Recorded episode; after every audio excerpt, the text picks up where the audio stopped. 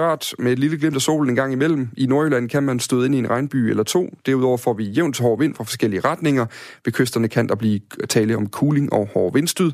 Temperaturerne bliver omkring 3-4 grader, og nu er der altså stadig morgenradio med Kasper Harbo og Jakob Grosen.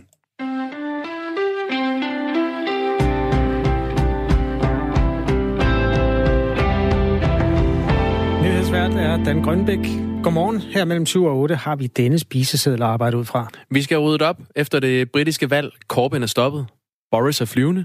Og vi øh, samler trådene lige om lidt. Vi skal også samle tråde sammen med retsreporter Marie-Louise Toksvig i forhold til det grundlovsforhør, der i går var første mellemregning i retssagen mod en bande formodede terrorister. Og så skal vi tale om en ny dansk film, hvor en kvinde, der ikke er tyk, spiller tyk. Og øh, det er ikke i orden, mener en, øh, en tyk aktivist. Endelig så har jeg fået en enormt spændende statistik fra en streamingtjeneste, der hedder Pornhub. Porn, Pornhub, tror Hvad, siger, jeg, hvad siger du nu? Jeg ved ikke, hvad den hedder. Porn, Pornhub. Jeg har fået den af William, vores streamingtjeneste medarbejder. Den ser vi nærmere på om en halv times tid. Britterne gik til valg i går efter tre års Brexit dødvande og politisk tumult, og det forløbige resultat ser ud til at give øh, premierminister Boris Johnsons øh, konservative parti en historisk sejr. it does look as though this one nation conservative government has been given a powerful new mandate. Ja, på dette tidspunkt ser det ud til, at denne konservative regering har fået et stærkt nyt mandat til at få Brexit gennemført. Get Brexit done, råber han så til sidst. Mette Rogers, øh, Weekendavisens korrespondent i London. Godmorgen. Godmorgen. Er sejrens øh, størrelse en overraskelse? Ja, altså de konservative, de har helt fra starten af den her valgkamp ført ret klart i meningsmålingerne. Altså så det, at de vinder, altså de vinder forholdsvis stort, var ikke nogen overraskelse, men størrelsen på sejren er alligevel en overraskelse for selv de mest optimistiske konservative, tror jeg. For der var ikke nogen af meningsmålingerne, der havde forudset, altså at det blev så stort.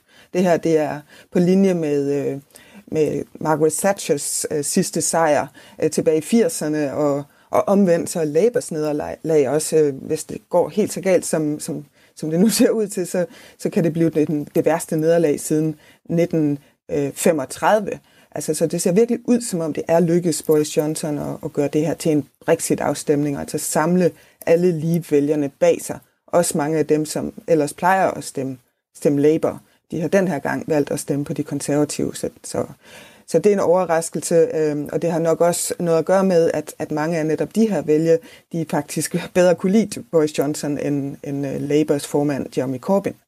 Ifølge en øh, exit poll, som BBC har offentliggjort, så vil det konservative parti få 368 pladser i det britiske underhus, der tæller i alt 650 pladser. Øh, Johnsons parti ser på den måde ud til at sikre sig et klart flertal i underhuset, og det endelige resultat, det regner vi med at få i løbet af, af morgenen. Øh, Boris Johnson, øh, som er manden, der, der tegner til at blive det her store valgs, øh, eller valgs øh, store vinder, han siger, at det giver stærkt mandat til at få Brexit på plads. Øh, og Labours øh, nu afgående leder, øh, Jeremy Corbyn, han har sagt, at øh, han kommer ikke til at stå i spidsen for det her parti ved noget fremtidigt valg til underhuset. Øh, betyder det her nu, at Brexit bliver en realitet? Ja, der er ikke nogen tvivl om, at med det her flertal, der vil Boris Johnson ikke have nogen som helst problemer med altså, at holde det her valgløfte og gennemføre Brexit, øh, i hvert fald at få den her øh, skilsmisseaftale med EU igennem øh, inden den 31. januar. Øh, så det betyder øh, reelt, at Remain-siden altså nu har tabt det her slagsmål, øh, og alle diskussioner om en ny Brexit-afstemning er, er fuldstændig væk. Altså, men når, når det er sagt, så selvfølgelig har Boris Johnson også øh, mandat til øh, og flertal til at forme det fremtidige forhold med EU, som det så passer ham. Og det skal så ske til næste år. Men der er bare det på ham, at der er meget, meget lidt tid til at få det på plads. Deadline for forhandlingerne er allerede slutningen af 2020, altså næste år. Øhm, og det mener langt de fleste eksperter, det er fuldstændig urealistisk. Øh, og han har jo så sagt i valgkampen, at han ikke vil forlænge den periode, så det ser ud til, at han altså enten kommer til at bryde det løfte og udskyde deadline, og så vil forhandlingerne, som mange mener er nødvendigt, altså fortsætte i årvis, eller også så vil øh, Storbritannien forlade EU uden en handelsaftale om et års tid, altså præcis det, som oppositionen og også mange af de konservative øh, parlamentarikere, som blev smidt ud af partiet, de forsøgt at forhindre. Men det har han nu frie hænder til at gøre. Hvor, hvor efterlader det øh, Storbritannien, hvis de øh, kommer til ikke at, at kunne få den her handelsaftale forhandlet på plads inden udgangen af næste år? Jamen altså, så vil de forlade EU uden en aftale, det vil sige, at man vil handle på, på øh, WTO, altså Verdenshandelsorganisationens vilkår, som mange mener er meget, meget skadende, især for, for Storbritannien, men også for, for EU. Øhm, så det bliver, det bliver svært. Øh, men han har selvfølgelig nu et flertal til at og øh, også gå på kompromis, og det er der så nogen, der, der håber, at, at han vil gøre, og måske faktisk ender med at få en aftale på plads, der ligger ret, ret tæt på EU. Og udover det her kæmpe valgnederlag til, til Labour, så bliver det også et farvel til Jeremy Corbyn, uh, Labours leder.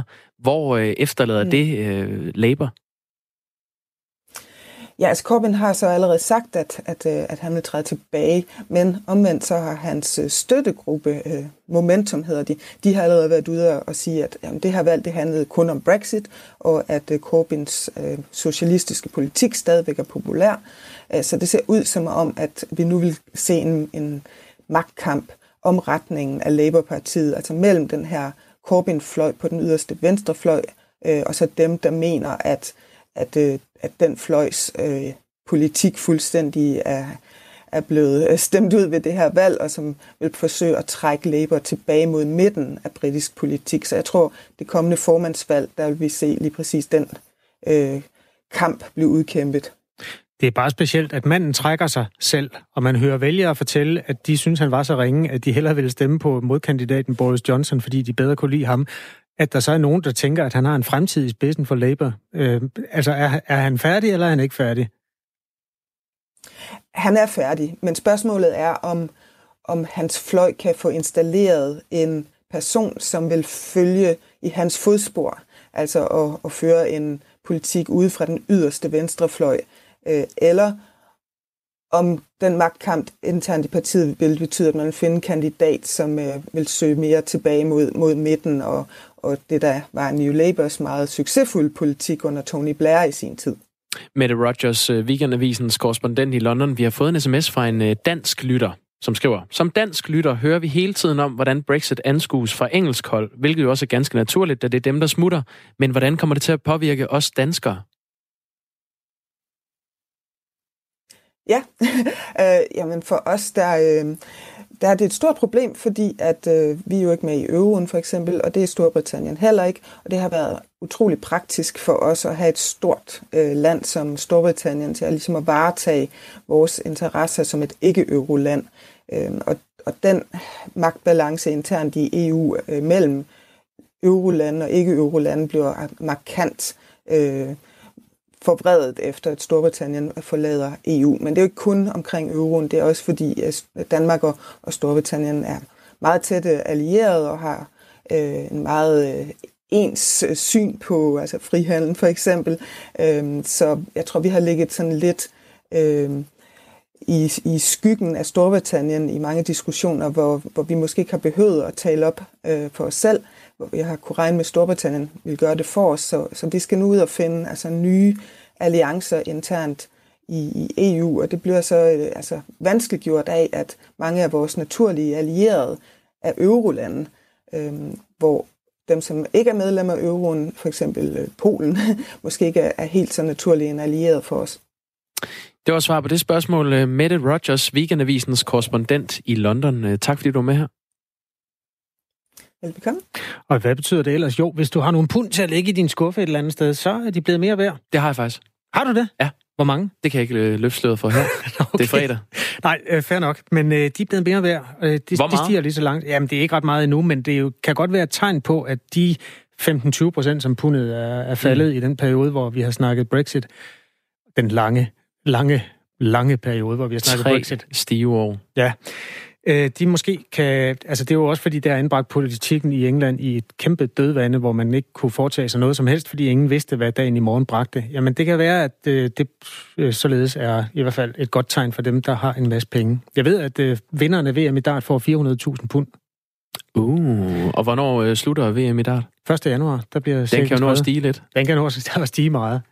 Lige nu er klokken kvart over syv. Du hører Radio 4 morgen med Jakob Grosen og Kasper Harbo. Jeg er vred. Øh, jeg er vred over, øh, at der er mennesker, der ikke vil øh, Danmark det godt. Øh, jeg er vred over øh, den radikalisering, som vi ser også i Danmark. Og jeg er vred over, at der er folk, der så meget som overvejer at gøre andre mennesker ondt. Og det er det, vi ved, at de har overvejet at gøre andre mennesker ondt. 20 mennesker blev anholdt under en stor koordineret antiterroraktion i forgårs. Det handlede om militant islamisme og terror, sagde politiet. Marie-Louise Toksvig er journalist og mangeårig rets- og kriminalreporter. Godmorgen, Marie-Louise.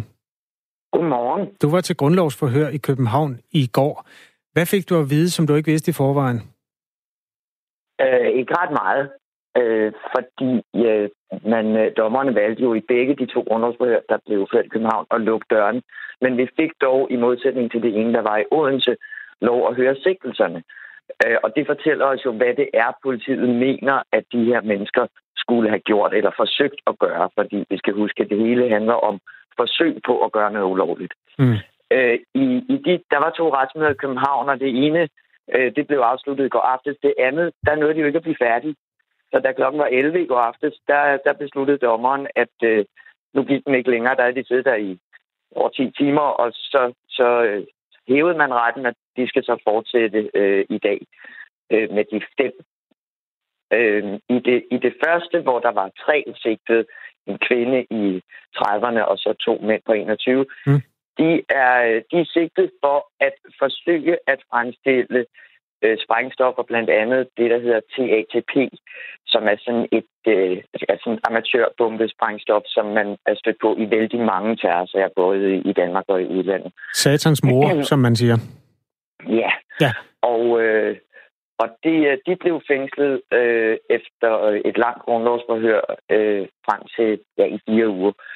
Øh, de andre fem, og det var det retsmøde, jeg selv var til stede ved, de er sigtet for at forsøge at skaffe skydevåben, ammunition og, en, og lyddæmper. Og, og i den begge går det jo igen, at det, det politiet siger, det er, at de her mennesker har forsøgt at enten skaffe sprængstof, lave sprængstof eller skaffe våben, med det formål at ville lave en eller anden, en eller flere terroraktioner et eller andet sted i Danmark eller i udlandet. Så det er sådan en vis og vis og vis ja. øh, model. Jeg skal lige spørge dig med din store erfaring i at være retsreporter og kriminalreporter. Når man så har en lignende mand, som bliver fremstillet for, nu kalder man det dobbelt lukkede døre i Odense, hvor man slet ikke får lov at høre, hvad han er sigtet for. Hvad kan argumentet, mm. eller hvad skal man sige, bagtanken fra politiets side være med, at vi ikke må høre om det? Altså, de, argumenterne er jo typisk øh, et spørgsmål om efterforskning. Det kan være noget med rigets sikkerhed. Det kan være alt muligt. Vi, vi, vi har jo mulighed for, når vi sidder i retten, og der skal tage stilling til dørlukning. Det er jo sådan, at vi helt principielt skal der være åbne døre. Og så hvis der er et eller andet særligt, så kan man lukke dem. Det er lidt sjældent. Det, det, efterhånden glemmer man lidt det i retterne. Øh, I går var argumentet øh, i den sag, jeg sad i, og jeg vil tro, det har været det samme de andre steder, at øh, det her det er et meget tidligt tidspunkt i efterforskningen, og det er en sag af meget alvorlig karakter, og, øh, og øh, derfor så, så skal offentligheden ikke have indblik i materialet.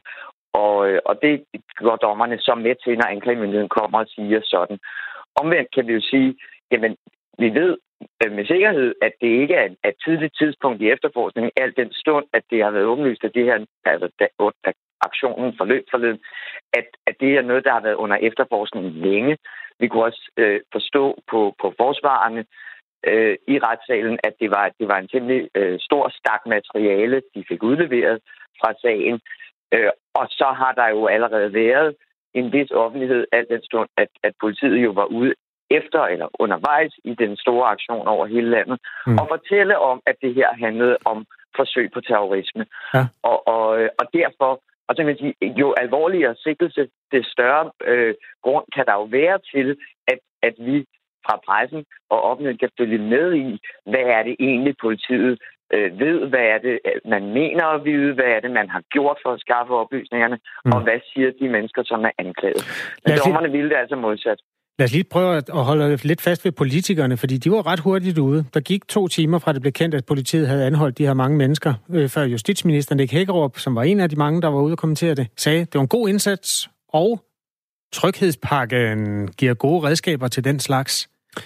Hvordan Over- oplever du... Ja. Ja, overvågning Det- det er jo sådan giver frihed. ikke? Hvad for noget? Undskyld, ja, Marie-Louise. altså, det, det bliver jo sådan lidt bizart. Det bider sig selv i halen. Jeg har allerede set øh, konspirationsteorier på sociale medier om, at, at man, fordi der er blevet gjort lidt nar af Nick Hækkerups øh, argumentation, da han fremsatte den her tryghedspakke om mere overvågning, at man så ligesom skulle skabe en brændende platform for at vise, at det er nødvendigt med, med flere Øh, indgreb i, i friheden og mere, mere overvågning af den slags. Det tror jeg nu ikke på, at politiet skulle være styret på den måde af politikerne. Men det er jo tankevækkende, at politiet går ud og laver de her øh, øh rensagninger over hele landet. Så bliver der anholdt et par 20 mennesker. Øh, de fleste af dem, de er jo blevet øh, lukket ud igen, fordi man kan blive anholdt af mange grunde, når der er en rensning. Det kan være, at man er på adressen. Altså, det, det kan være hvad som helst. Vi aner det ikke. Og så er det som om, det i løbet af få timer, så er det slået fast, at der er afværget terrorangreb, som vi ikke ved mere om. Det vil sige, det kunne have været som dengang, der faktisk sad nogle bevæbnede mennesker på vej i bil mod øh, København for at angribe JP Politiens hus. Men det kan også være som dengang, der sad en teenagepige i Kundby og forsøgte at blande øh, til ATP nede i sin mors kælder. Ja. Øh, og, og så havde googlet, hvordan man kom frem til, til øh, den jødiske skole i Hellerup. Det, det kan jo være alt muligt. Og billederne står jo kø ind i hovederne på os, når nogen siger terror og terrorangreb. Mm. Og vi så ser de her aktioner, og, og Rulle Maria er ude her, og folk bliver bedt om at lukke dørvinduer. Men vi aner ikke, hvad der er tale om. Og det er derfor, du så påpeger, at det måske er en lidt dårlig vane, at politikerne indirekte udtaler sig om skyldspørgsmålet på den måde, før der overhovedet er nogen, der er, har været grundlovsforhør. Ja, nu, jeg, jeg kom for skade til debatten på DR2 i går aftes, øh, som også handlede om terrorisme, og vi ruster til at tage os af det. Og det, der var interessant, det var, at alle de politikere, der var, der var i studiet, ligesom alle andre, der har udtalt sig, ligesom tog det udgangspunkt, at, at nu var der heldigvis blevet fanget nogle terrorister, og så taler vi videre derfra.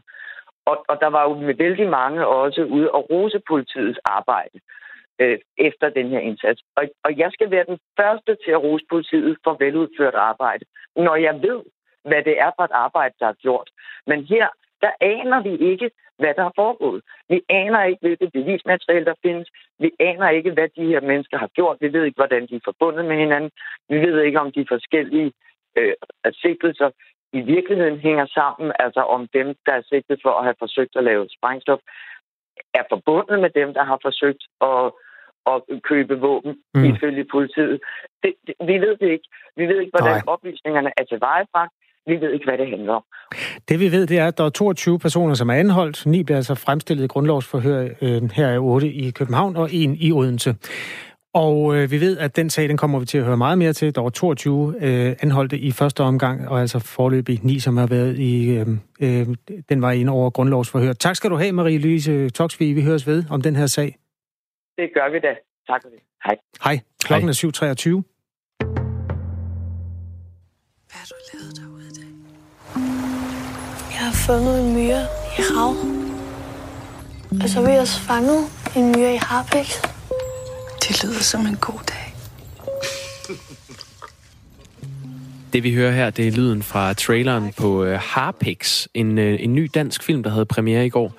I den her film, der følger man teenageren Liv, der bor sammen med sin far Jens og sin overvægtige mor Maria. Og det er netop øh, den overvægtige karakter, der er faldet flere for brystet.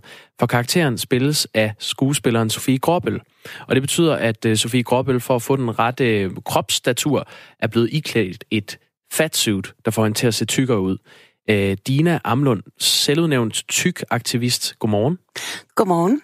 Du er også koordinator i øh, Fed Front, som er en øh, forening, der vil dokumentere og bekæmpe tykfobi og skabe et øh, netværk for, for tykke mennesker. Du mener, det er en ydmygelse at se Sofie Gråbøl i et fatsuit. Hvorfor det? Det er fordi øh, fatsuits altid vil skrive sig ind i den her tradition, som handler om, at det skaber en særlig effekt, når slanke mennesker klædes ud som tykke mennesker. Det vil aldrig nogensinde se realistisk ud. Det vil altid hæmme skuespilleren, men det har man set igennem fingre med, fordi man synes, effekten er så sjov i sig selv. Øh, som regel er det sjovt. Det kan også være andre effekter, man vil have. Øh, når man ser de her slanke skuespillere og slanke mennesker i det hele taget, som, som klæder sig ud som tykke. Så du mener, det, det kan aldrig komme til at se øh, realistisk ud? Nej, det synes jeg ikke. Benjamin øh, Bo Rasmussen, han er formand for Dansk Skuespillerforbund. Han har skrevet sådan her om, øh, om sagen i Weekendavisen. Jeg tvivler på, at man kan finde en kvinde på 200 kilo, som kan give et mere lojalt og tankevækkende portræt af et menneske med svær overvægt end Sofie Gråbøl.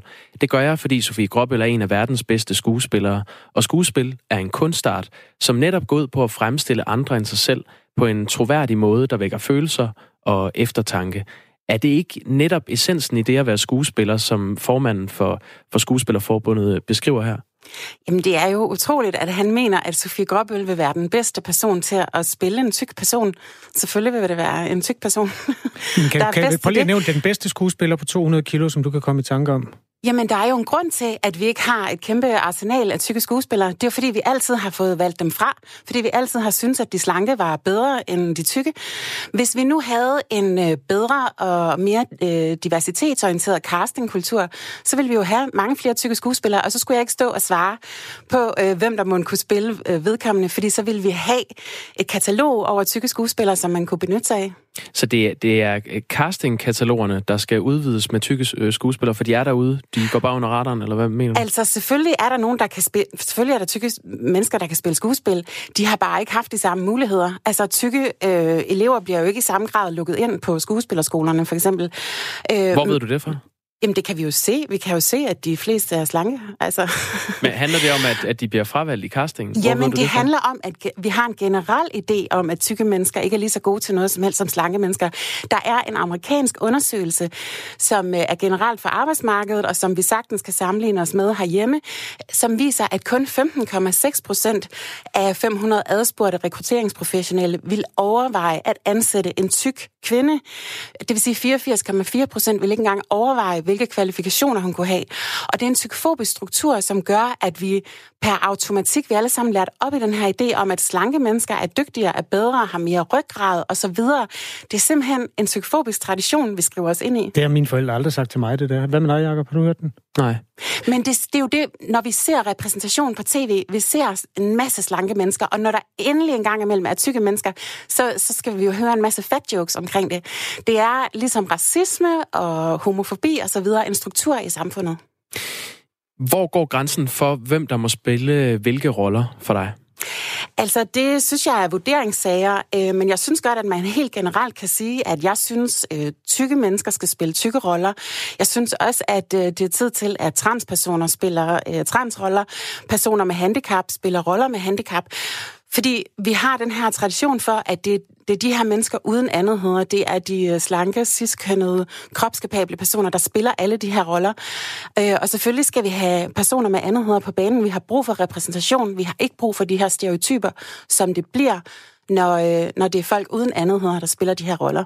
Det ligger jo øh, lidt i, i det at være øh, skuespiller, at man kan påtage sig øh, roller, der ligger langt fra ens egen øh, karakter. Men jeg vil gerne lige prøve at, at gennemgå nogle øh, scenarier, så kan vi se, hvad, hvad du synes om det. Kan psykisk syge blive spillet af skuespillere, der ikke er psykisk syge?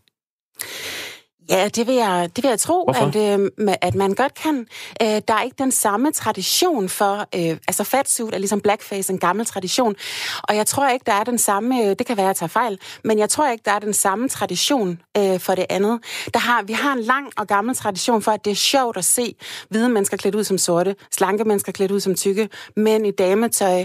Øh, det, det er derfor, Øh, det skriver sig ind i den her tradition. Det handler ikke om, at jeg tvivler på, at skuespillerne er dygtige. Jeg ved godt, at Sofie Grobbel er en fantastisk dygtig skuespiller. Og alle de andre, Russell Crowe og whoever, der har været i fatsuit i tidens løb, jeg ved godt, de er dygtige skuespillere. Men, men det handler om, at vi skal have repræsentation og det handler om, at man ikke skal afvise personer med andetheder til at være dygtige nok til at spille personer vil, med vil det så ikke, jamen, Vil det så ikke være bedre, at det er psykisk syge øh, skuespillere, der fremover spiller psykisk syge Det er meget øh, muligt. Det er meget muligt. Kan, kan, øh, men vi har må jeg så spørge dig igen? Vi har ikke den samme tradition for at udstille det på den måde, som man har med fatsuit. Fatsuit er en tradition, man skriver sig ind i, hvad enten man vil eller ej. Jeg tror ikke, vi har den samme tradition med det... at spille psykisk syge. Jeg tror ikke, det, det er ikke en udklædning Det er jeg ikke sikker på, at du har ret i. Jeg tror, ved, ved hoffet i gamle dage var der også en hofnar, der, der spillede skør i, i roen. Men okay, ja, men det er ikke lad, os prøve, lad os prøve et andet scenarie. Kan en flygtning blive spillet af en, der aldrig har været på flugt? Det tror jeg godt. Det tror jeg godt. Det er muligt, at jeg tager fejl, men øh, det tror jeg godt. Hvorfor? Øh, jeg tænker, at det er en situation. Det er jo ikke en udklædning igen på samme måde. Øh, man kunne sige, at det ville være mærkeligt, hvis det var en hvid person, der skulle spille en brun person. Kan en, Men kan jeg en tænker, brunhåret spille en rødhåret? Det tror jeg godt. Igen, det er ikke den samme, det er ikke den samme øh, struktur, det er ikke den samme øh, tradition for udklædning. Kan en homoseksuel rolle blive spillet af en heteroseksuel skuespiller? Åh, jeg vil gerne have noget mere repræsentation. Jeg synes, der skal nogle flere homoseksuelle skuespillere på banen. Men jeg tænker, at, øh, at det ikke er det samme, som, som det er med, med transkønnethed. Øh, der er ikke den samme tradition for at, at klæde sig ud for det. Det er ikke en fast udklædning. Jeg, jeg er helt med på, at man har lavet øh, grin med og gjort narret og, og virkelig været, haft skadelige øh, øh, scenarier, hvor, hvor heteroer har udgivet sig for at være homoer, fordi det var sjovt i sig selv. Men øh, jeg tænker, det er ikke den samme faste udklædning øh, som en fatsuit og som et blackface. Vi har fået en sms øh, fra øh, Hed fra Vorbasse, der spørger, hvad med mordere? Ja. Må man spille en morder, hvis man ikke er morder? det er jo altid den, der kommer op. Så er det sådan, må man spille morder, må man spille pædofil, må man spille alt muligt. Altså selvfølgelig må man det. Det er jo ikke en fast udklædning. Det er jo ikke en fast degradering af morder. Og morder er jo ikke en minoritet, der skal der udsættes for diskrimination på arbejdsmarkedet.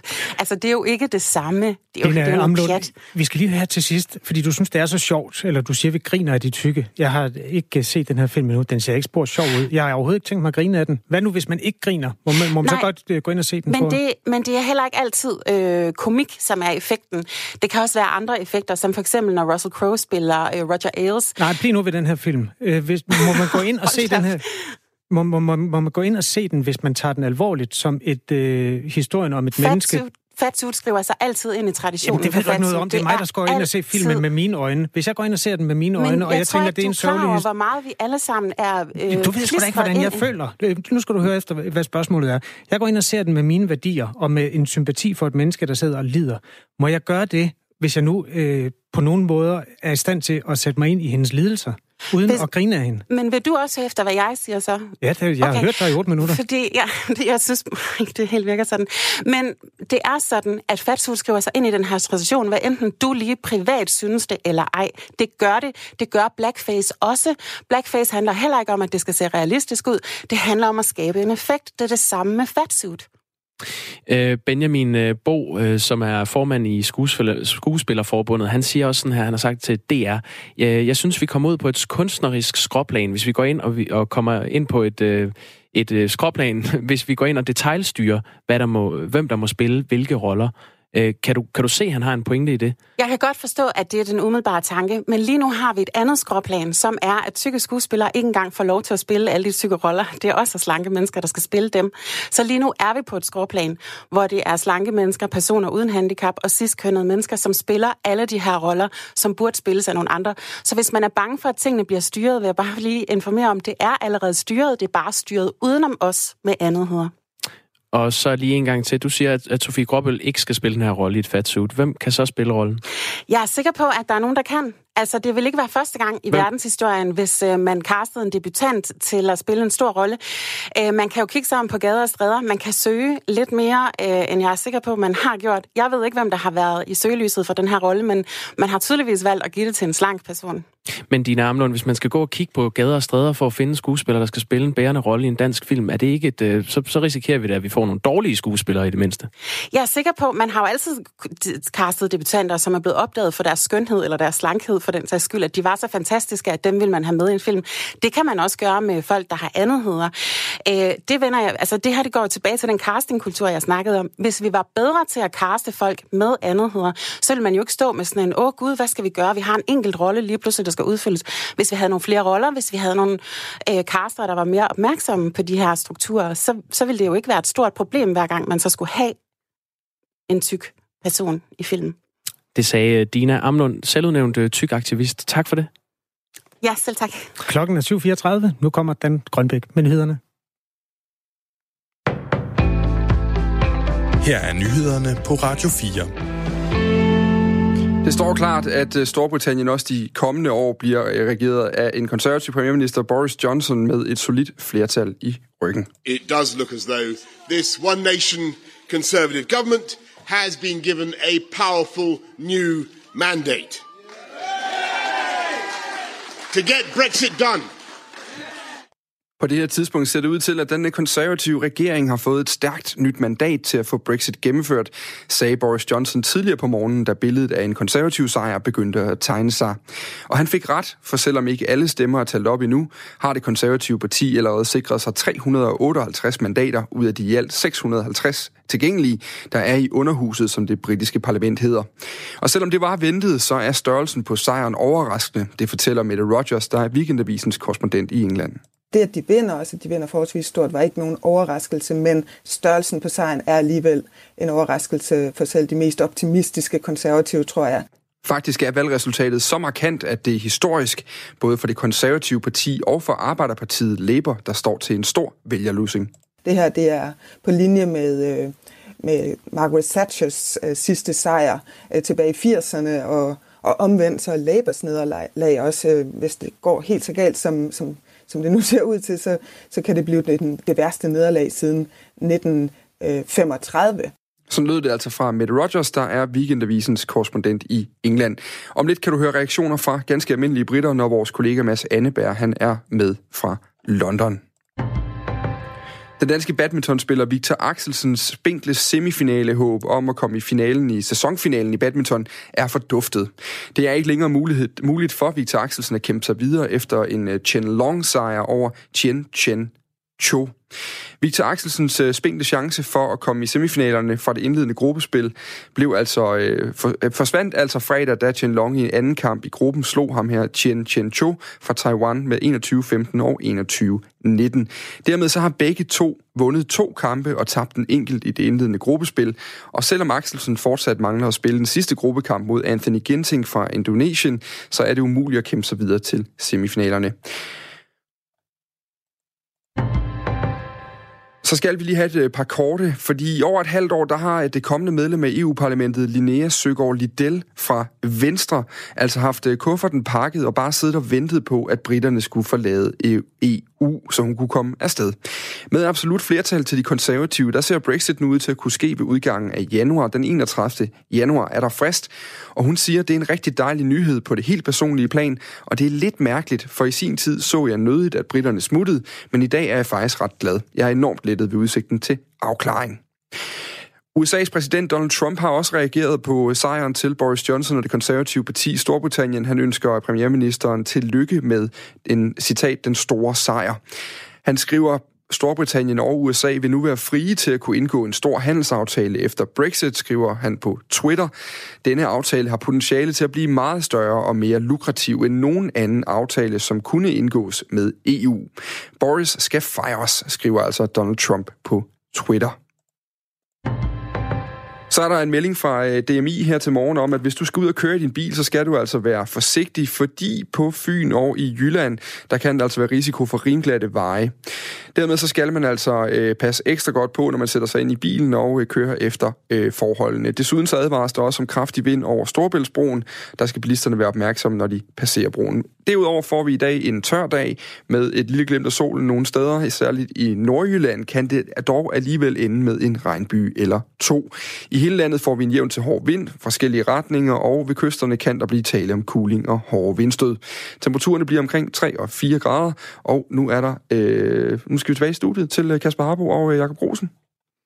Ja, tak for det. Dan Grønbæk er nyhedsvært på Radio 4 morgen, hvor vi øh, før nyhederne havde besøg af selvudnævnt tyk aktivist Dina Amlund, som er vred over den nye film, hvor Sofie Gråbyl spiller en meget tyk kvinde, iført et såkaldt fat suit. Ja, øh, der er kommet en øh, bunke sms'er på, øh, på det interview. Øh, lad os tage den her. Synes hun nedgør tykke mennesker, der er en, der skriver? Det ved jeg faktisk ikke, hvad personen mener med. Der står også her, altså det, der var sagens kerne, det er, hvem kan spille en hovedrolle? Kan man det, hvis man for eksempel som Sofie Gråbøl er almindelig af bygning? Må ikke grunden til, skriver en lytter, må ikke grunden til, at vi ikke har 200 kilo øh, skuespillere, at det er usundt at være så tyk? Ja, øh, så er der også en, der skriver... Øh, det, det er faktisk et shout-out til, til dig, Kasper. Du, du blev lidt... Øh, ikke ophidset, men, men der er en, der skriver, det var fandme et godt interview. Super lækkert at høre, Kasper også kan tændes lidt af. Det giver dejligt levende radio. okay. Ej, jeg kan bare godt lide, når man får lov at stille spørgsmålet, inden man får svar. Det er sådan en, det er en gammel disciplin, ja. koreografi i et interview. Øh, Thomas han skriver, hvis cis-kønnet betyder normalt, hvorfor siger man så ikke bare det? Hvad betyder det?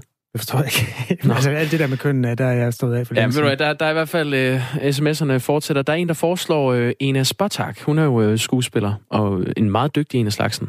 Og hun er overvægtig. Så det er et bud på en overvægtig skuespiller, som der altså ifølge dine Amlund er for få af. Ja. Og der er en castingkultur, der skal ryddes op i. Det er jo så et uh, bud på, hvordan man laver fremtidens film. Men den her film med Sofie Gråbøl, den hedder Harpix, og den, er, den har haft premiere i går.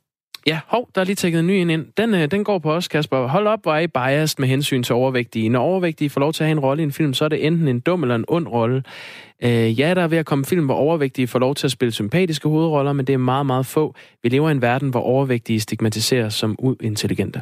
Jeg har simpelthen set mange film med Nicolas Bro, for eksempel, hvor han spiller altså, hovedroller. Hvor, men det, det kan godt være, det er anderledes, når det er kvinder. Det kan jeg ikke svare på, men altså... Nej, det, det kan godt være, der er en lille slagside der. Ja. Men øh, ja, pointen var altså her, at øh, Sofie Gråbøl var blevet iført et fatsuit. Og dejligt at blive sagt imod os. Øhm, og det ja. her det er jo en budbringer om, at folk efterhånden har opdaget, hvordan man skriver en sms. Men vi repeterer det lige for en god ordens skyld. Skriv ind til 1424. Start din besked med R4 efter, øh, efterfulgt af din øh, kommentar.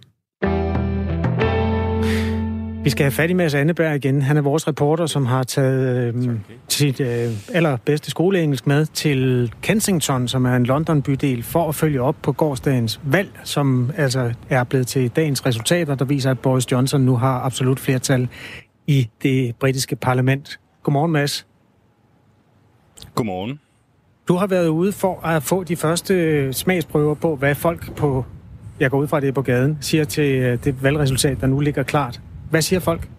Ja, det er, det er ganske rigtigt på gaden. Øh, Jeg står her som uh, Ross uh, Lytle, som, uh, som jeg mødte her på, på Kensington uh, High Street. Og Ross, what do you make of the, the election result?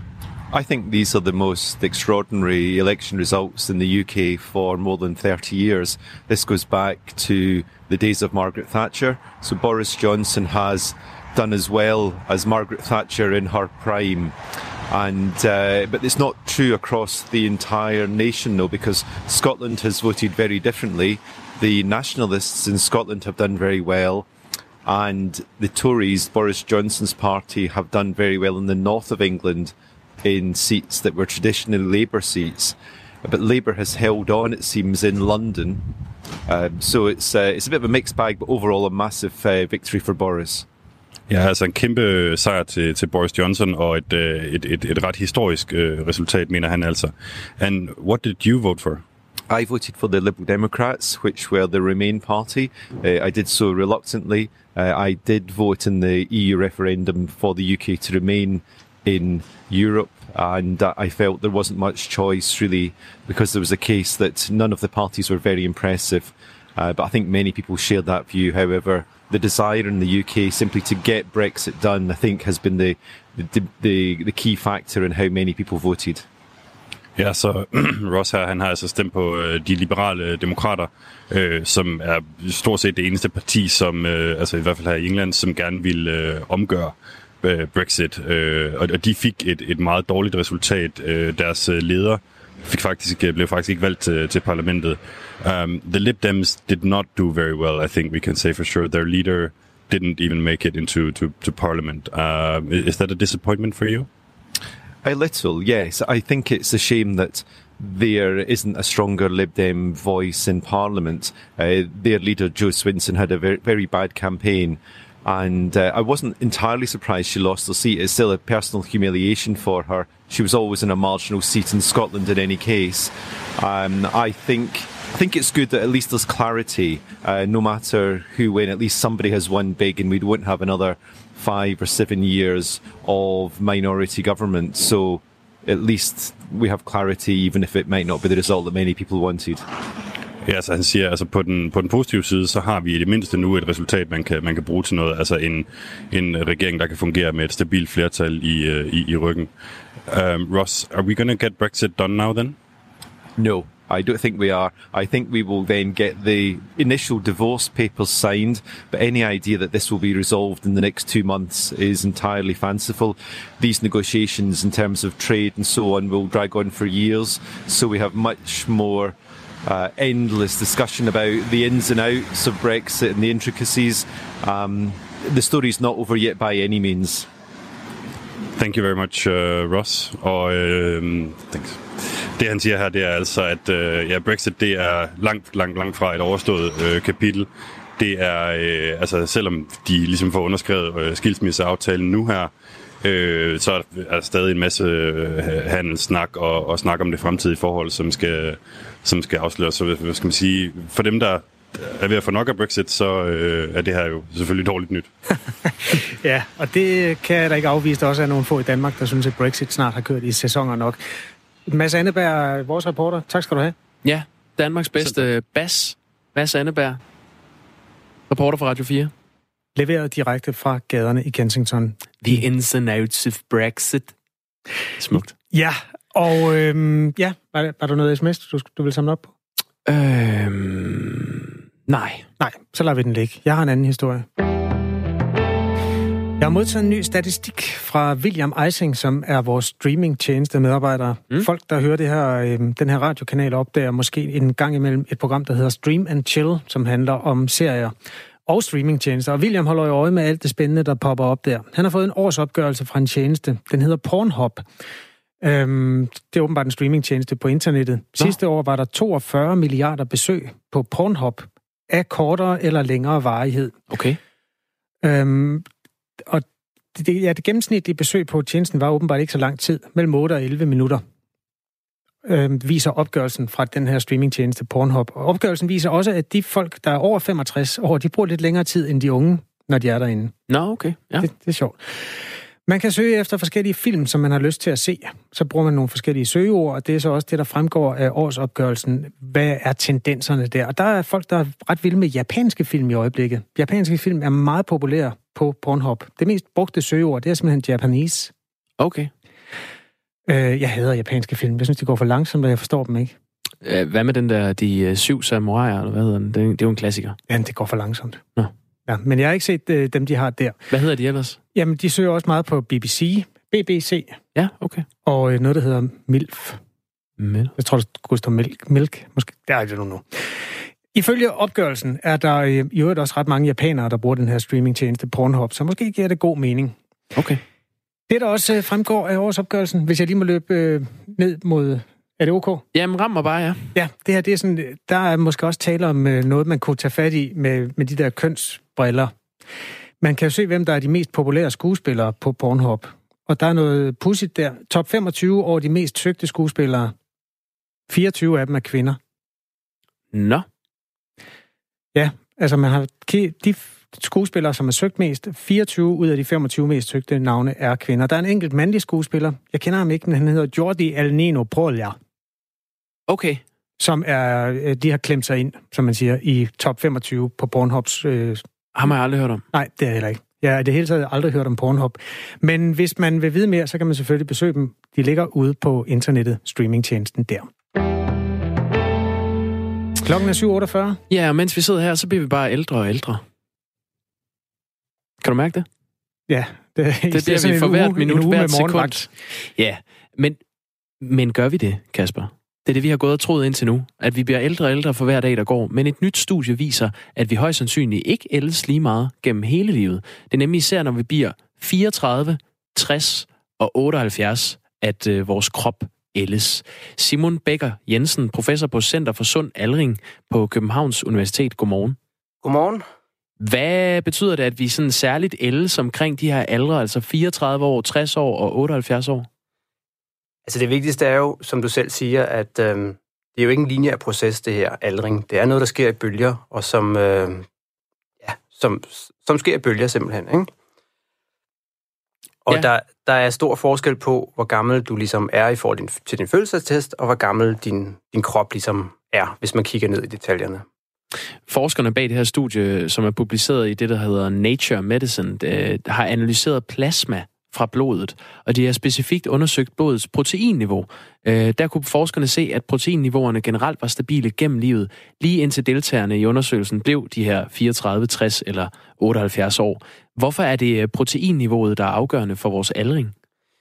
Jamen, det er heller ikke, fordi det er afgørende som sådan, men det, er, det indeholder utrolig meget information. De, de proteiner, vi har øh, i plasma, og, og mængden af dem. Øhm, så, så det er sådan en eller anden slags fingeraftryk på kroppens øh, sundhedstilstand, som man rigtig gerne vil forstå i forhold til at kunne forudsige øh, sygdomme og den slags.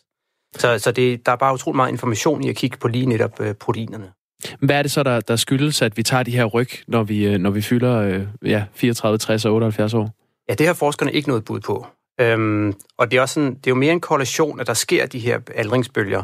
Men det er ikke sådan, at man kan gå ind og kigge på nogle af de specifikke ændringer og sige, Nå, om det er selvfølgelig det her, der sker i løbet af aldringen, og hvis vi kan, hvis vi kan tilsætte det her protein, eller hvis vi kan fjerne det her protein, så kan vi gøre noget mod aldring. Det, det er meget mere kompliceret end, end som så. Så øh, det, må, det må fremtidens forskning øh, øh, vise. Ja, hvad, hvad kan vi så bruge den her viden til? Jamen, øh, et meget stort tema i aldringsforskningen, det er den her forskellen på den kronologiske alder, altså det, der står på din fødselsattest, og så din biologiske alder, altså hvordan kroppen har det. Så nu kan jeg jo ikke se dig her, hvor jeg sidder fra, men uh, man, man kunne kigge på din fødselsattest, og så din måske hårpragt og antal rynker, og sige, de to ting matcher ikke rigtigt mellem med hinanden. Men øh, det er det, man gerne vil kunne gøre på et meget mere præcist øh, niveau. Og der, der taler man det, der hedder aging clocks, altså man simpelthen kan måle kroppens alder. Og det kan man, det har man forskellige øh, idéer til, hvordan man gør i dag, men det her det er det første studie, der ligesom prøver at tage udgangspunkt i blodet til at gøre det samme. Nu står der 34, 60 og 78 år. Altså det er de livsfaser, hvor man sådan skifter rimelig afgørende. Kan du sige noget om, hvad det er for nogle dele af kroppen, der aldres? Jamen altså, en af de ting, som de faktisk ser i studiet, det er den her øhm, mellembølge, der omkring de, de 60. Der ser man mange af de her sådan, øhm, altså tegn på neurologiske ændringer. Øh, og ændringer i, sådan i, i, øh, ja, i nervecellerne og, og, og hjernen. Altså proteiner, der ligesom matcher op med, med det. Øhm, og man kan sige, lige, det korrelerer jo ret godt med, at vi ved, at det er, at vi begynder at komme i farezonen for at udvikle ting som Alzheimer's og demens og sådan noget. Altså, altså på et meget tidligt stadie. Så det er altså det, man kan se i blodet? Ja, og, øhm, og man, man kan endnu ikke ligesom sige præcis, hvad det betyder at gå ind og sige, at det er lige akkurat den her faktor, der er vigtig. Man skal tænke på, at de kigger på 4.000 forskellige proteiner på en gang, og rigtig mange af dem ændrer sig.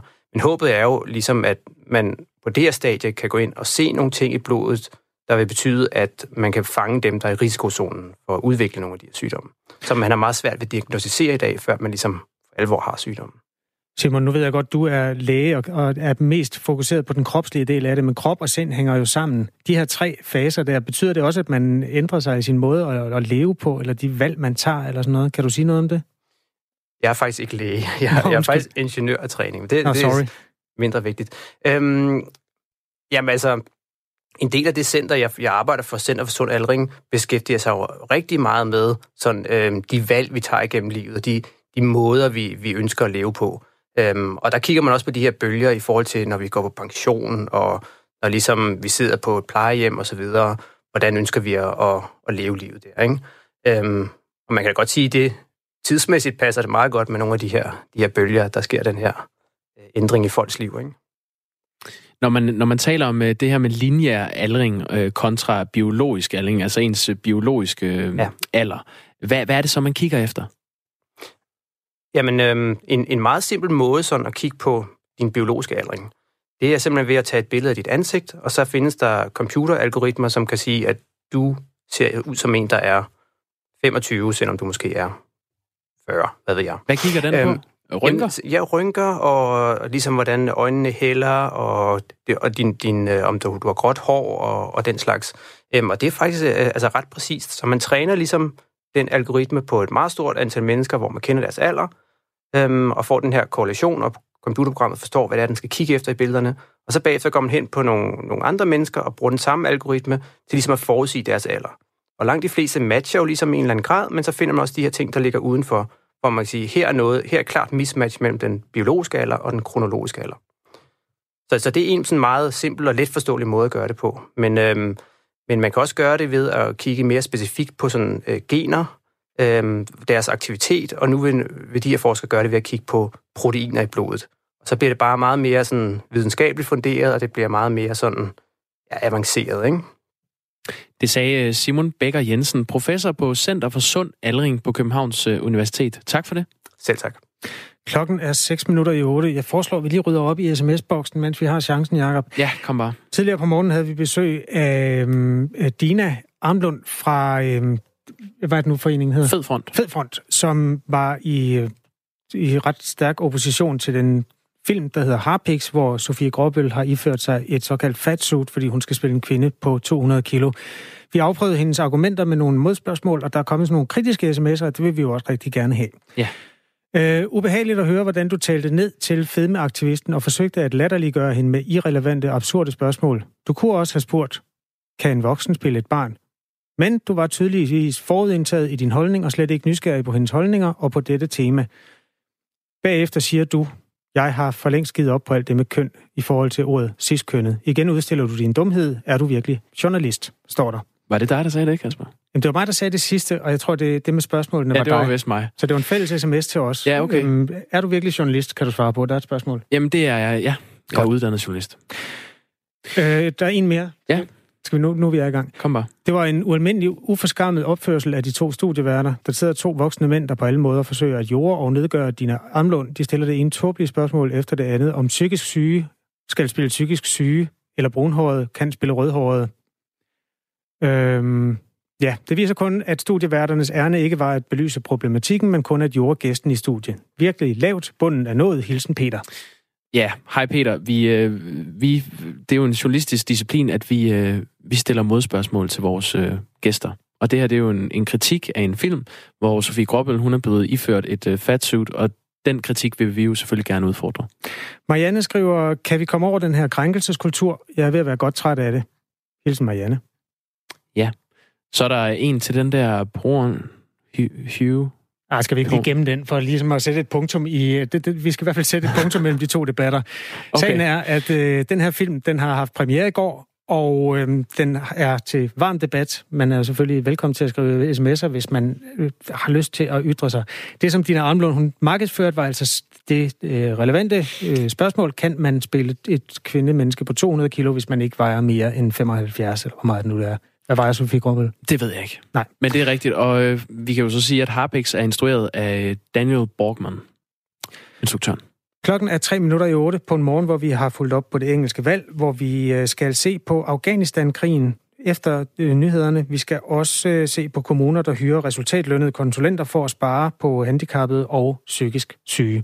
Klokken er tre minutter i otte. Nu må du godt tage den, den der sms om Pornhub, hvis du har lyst. For pokker, gutter. MILF. Middle-age woman I like. Og så et ord med F. MVH Jens. Det var slet ikke klar. Okay, fint nok.